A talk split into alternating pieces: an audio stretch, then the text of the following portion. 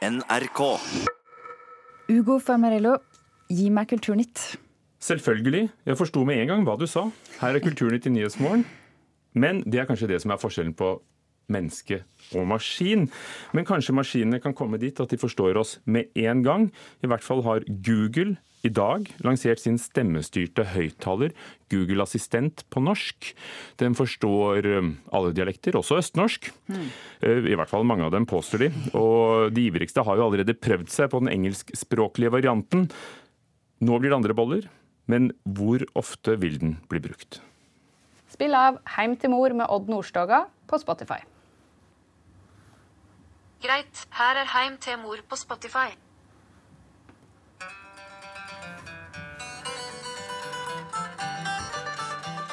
Stort mer autentisk norsk blir det ikke. Tirsdag lanserer kommunikasjonssjef Helle Skjærvold og Google sin stemmestyrte assistent på norsk. Den kan hjelpe deg med å spille sanger som Heim til mor, eller bokstavelig talt finne veien hjem til mor. Google Assistent det er en helt egen assistent som hver og en bruker kan prate til, få ting gjort, eh, sende tekstmelding, ringe, sjekke kalenderen osv. Du snakker rett og slett til mobiltelefonen din. I praksis vil Google hjelpe deg med alle dagens gjøremål, som å planlegge kalenderen og å minne deg på å kjøpe dopapir. Dette skal gjøre hverdagen din enklere, mener Google. At du rett og slett får mer tid til å eh, smøre matpakker, være med barna dine, være på farta, være sammen med venner, fordi du rett og slett bruker mindre tid på å fikle med mobilen. Eh, sånn at det rett og slett vil bli eh, enklere å komme seg til og fra steder, finne informasjon og gjøre de tingene du vanligvis gjør. Journalist og teknologirådgiver Eirik Solheim i NRK Beta er ikke like sikker. Vi har hatt det på engelsk og hatt muligheten til å, å snakke til mobiltelefonen vår. Vi har disse smarthøyttalerne som en del i Norge også har skaffet seg. Men jeg er litt usikker. Jeg snakker godt engelsk og har hatt muligheten lenge. Bruker det litt mindre enn jeg skulle tro. For det er en del ting som fremdeles er mye raskere å bare trykke på. Google har ikke bare fått norsk pass, den har også fått en real språkopplæring. For Google er det det samme om du snakker sånn her, sånn her eller sånn her. Den gjør så godt den kan, i hvert fall. Eh, som du sier, så har jo eh, nordmenn en veldig rik dialektflora. Det er noe vi har jobbet hardt med at assistenten skal forstå. Og så vil den bli bedre etter hvert, når den blir eksponert for de mange ulike dialektene. Administrerende direktør Heidi Arnesen Austli i IKT Norge mener derimot at dette er noe folk kan komme til å både like å bruke? Nei, altså, teknologien blir rett og slett mer tilgjengelig eh, for folk. Det kan være folk som har nedsatt funksjonsevner, f.eks. den ytterste skala. Men, men, det at det er teknologi som hjelper oss å komme nærmere kundene våre og brukerne våre, det vil alltid være veldig bra. Spesielt også når det kommer eh, på vårt eget språk. da. Å åpne hverdagen sin for Googles assistent betyr imidlertid å gi slipp på store mengder personlig data. Google insisterer på at de ikke skal misbruke disse. Vi tar folks personvern på ekstrem eh, stor alvor. Dataene vi behandler med talestyring, gjør vi egentlig på akkurat samme måte som vi gjør hvis du f.eks. taster inn et Google-søk. Og Du kan gå inn og se hvilken eh, data eh, vi har, og hva vi gjør med den. Og du kan skru av og f.eks. slette historikk, akkurat som du kan eh, med vanlig talesøk hvis du går inn på min konto. Og det er det 20 millioner mennesker som gjør hver dag.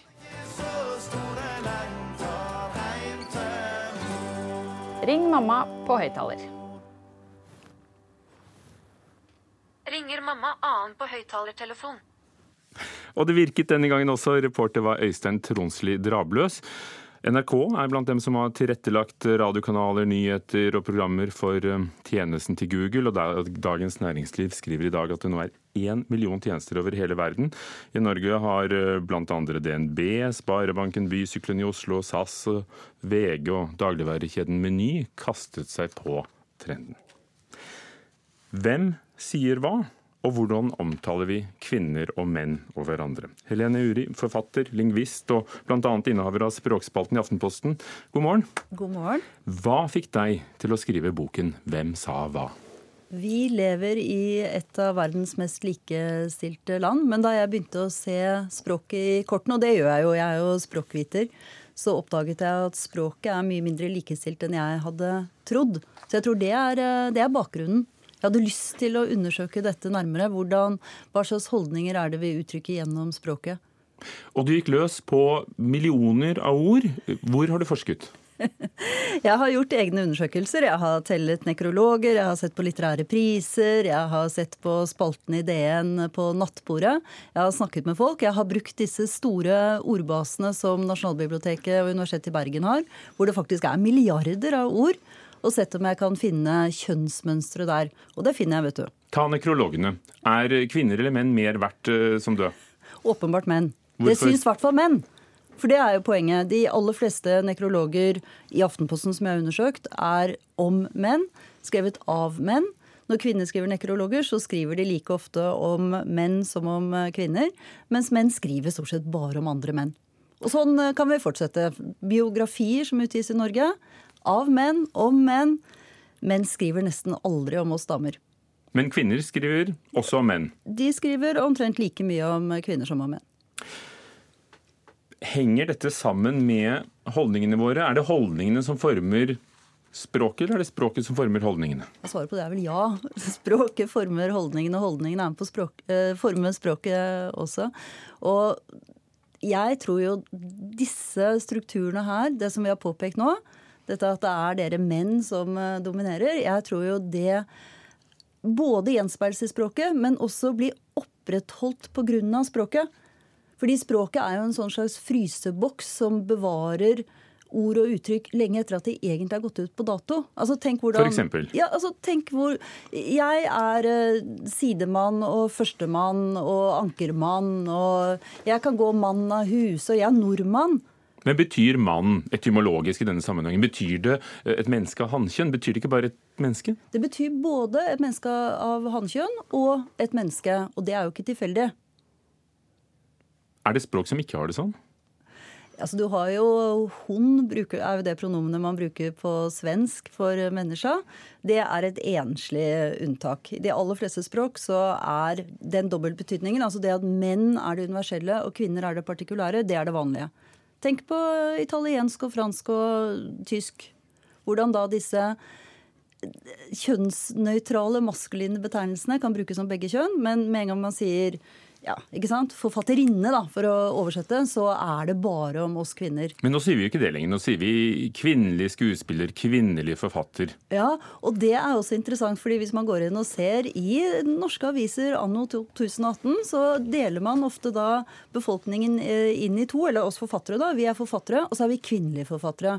Og jeg så en reportasje i Aftenposten. Der var det altså snakk om en sjåfør og en kvinnelig sjåfør. Altså, jeg mener, hallo.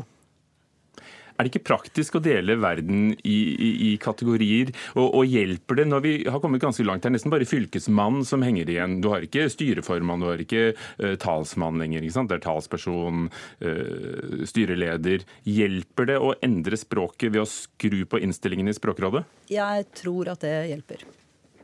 Vil du forandre språket, eller vil du bare at vi skal eh, lese det med nye øyne? Jeg vil uh, først og fremst at vi skal se det med nye øyne. og Det tror jeg høyner bevisstheten rundt det. Og da tror jeg at vi også blir flinkere, og at det blir forandring på sikt. For dette er jo ikke noe vi kan pålegge språkbrukere. Dette må jo komme nedenfra. Det må jo komme fra oss selv.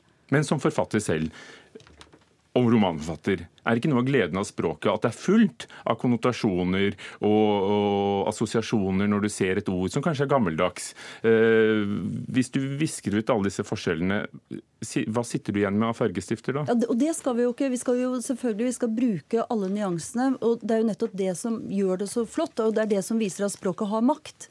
Det er jo nettopp at vi blir påvirket av det, og at du elsker det når du leser skjønnlitteratur. Og Derfor må vi også vite at når jeg, når jeg blir fortalt at åh, du er skikkelig modig, altså du har baller, så, så sier det også noe om at vi kvinner kan vi kanskje ikke være modige med det vi har mellom beina. Sånn at språket er makt, og det må vi faktisk være klar over. Men kunne du gitt meg et kompliment og sagt at jeg hadde Livmor? Ja. ja, har du, ja du, jeg syns du er kjempemodig. Ja, du, har, du har livmor, du. Helene Uri, media i dag, det er kanskje det som eh, hvis jeg leser det riktig, er det som overrasket deg mest, hvordan vi omtaler kvinner og menn fremdeles. Ser du noen endringer over den tiden du har studert? Ja da. Eh, hvis man går inn og søker i disse enorme tekstmengdene, så vil du se at pronomene han blir brukt i begynnelsen nesten fem ganger så ofte som pronomene hun. Det er ganske morsomt. Mens nå i de nyeste tekstene på Nasjonalbibliotekets eh, korpus, så er det en mindre overvekt av han. Men eh, dere slår oss med tregangeren, tror jeg det er. Helene Uri, hvem, hva, hvor kommer hvert år? Hvor ofte kommer Hvem sa hva for å få med seg endringene? Den kommer nå i høst, i dag, og forhåpentligvis i mange nye opplag. Takk skal du ha, Helene Uri.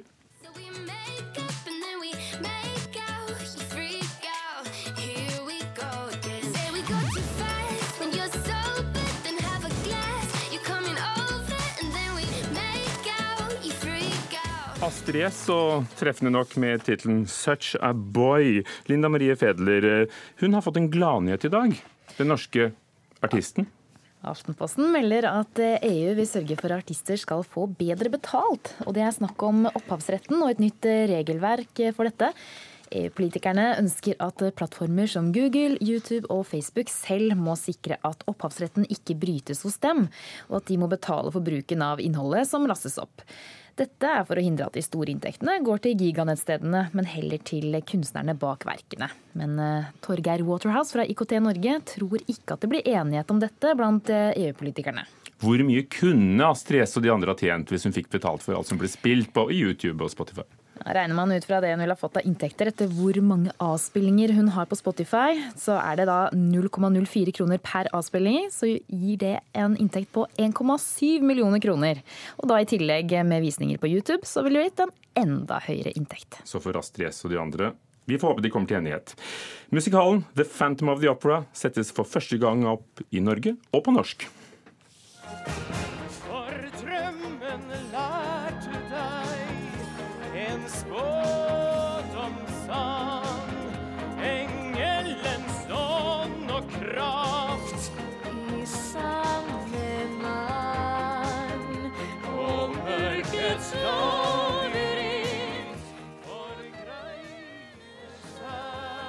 Andrew Lloyd Webbers uh, musikal 'Phantom of the Opera' hadde norgespremiere fredag. Den har fått gode kritikker uh, så langt i pressen.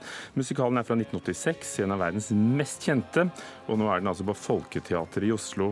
Uh, Mira Ormala som Kristin Da og Dae, og Espen Grotheim som Operafantomet. Atle Halsteinsen har oversatt librettoen.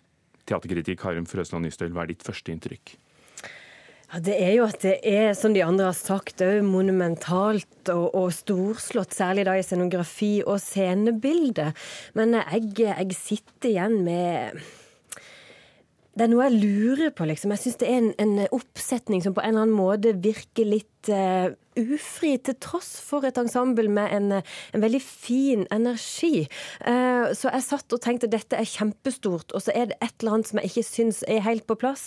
Og, og det handler mest av alt, tror jeg, om regivalg og litt om casting. Dette er jo en helt annen versjon enn den som spilles i, i, London eller New York eller andre steder. Som sagt, Atle Halstensen har oversatt librettoen og er også musikalsk ansvarlig. De gjør egne valg, egne kostymer. Um, så hva mener du hva er det du, du vil sette fingeren på? Altså, De har fått stor frihet når det kommer til kostyme og scenografi og alt dette her, men eh, det skal noe til å få løyve fra rettighetshavere til et sånt stort prosjekt som dette her. Eh, og det er kjempestort at Scenekveld har fått lov å gjøre Phantom of the Opera på norsk. Eh, jeg vil tro at det er en del klausuler som henger ved likevel. De følger musikken, de følger handlinga til punkt og prikke. Phantom of the Opera i i Folketeatret mangler den friskheten som jeg forbinder med Scenekveldet sine musikaloppsetninger, sånn som de har vært de siste årene. og det er mm, Altså, regissør og koreograf er henta inn fra, fra Storbritannia. Og, eh, og jeg syns regien til tider, særlig i ensemblescenen, blir litt kaklete, litt masete, litt bråkete. Og så syns jeg òg at det mangler en del dynamikk og variasjon. Eh, og så mener jeg òg at det er mer å hente både på personregi og på kroppsspråket som brukes hos de ulike karakterene, og det har selvfølgelig med casting å gjøre castinga. To av hovedrolleinnehaverne er da hentet fra, fra utlandet. Hvorfor? Et godt valg? Det, de sier det fordi de vil ha de beste. Og her er det jo sånn at rettighetshaverne òg skal godkjenne de aller største rollene. Sånn pleier det iallfall å være. Eh, så den ene hovedrollen er egentlig finskspråklig, den andre er svenskspråklig opprinnelig, og de gjennomfører musikalen på norsk.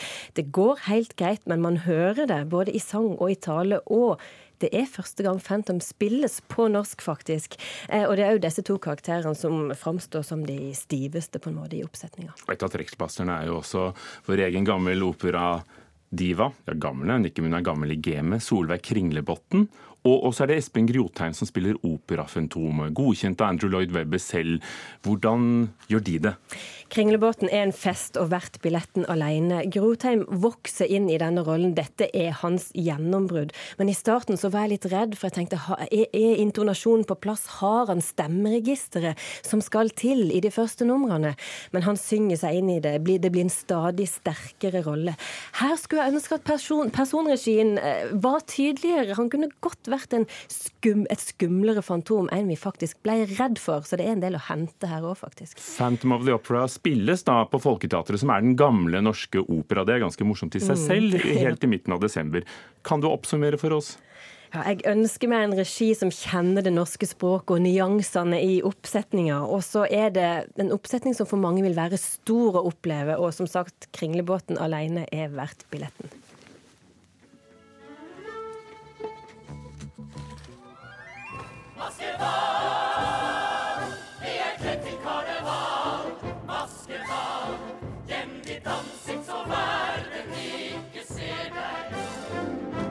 Vi fikk med to takter fra Maskeballet her på tampen av Kulturnytt i Nyhetsmorgen. Takk til kritiker Karin Frøsland Nystøl. Klokken nærmer seg halv ni, så aller først Dagsnytt.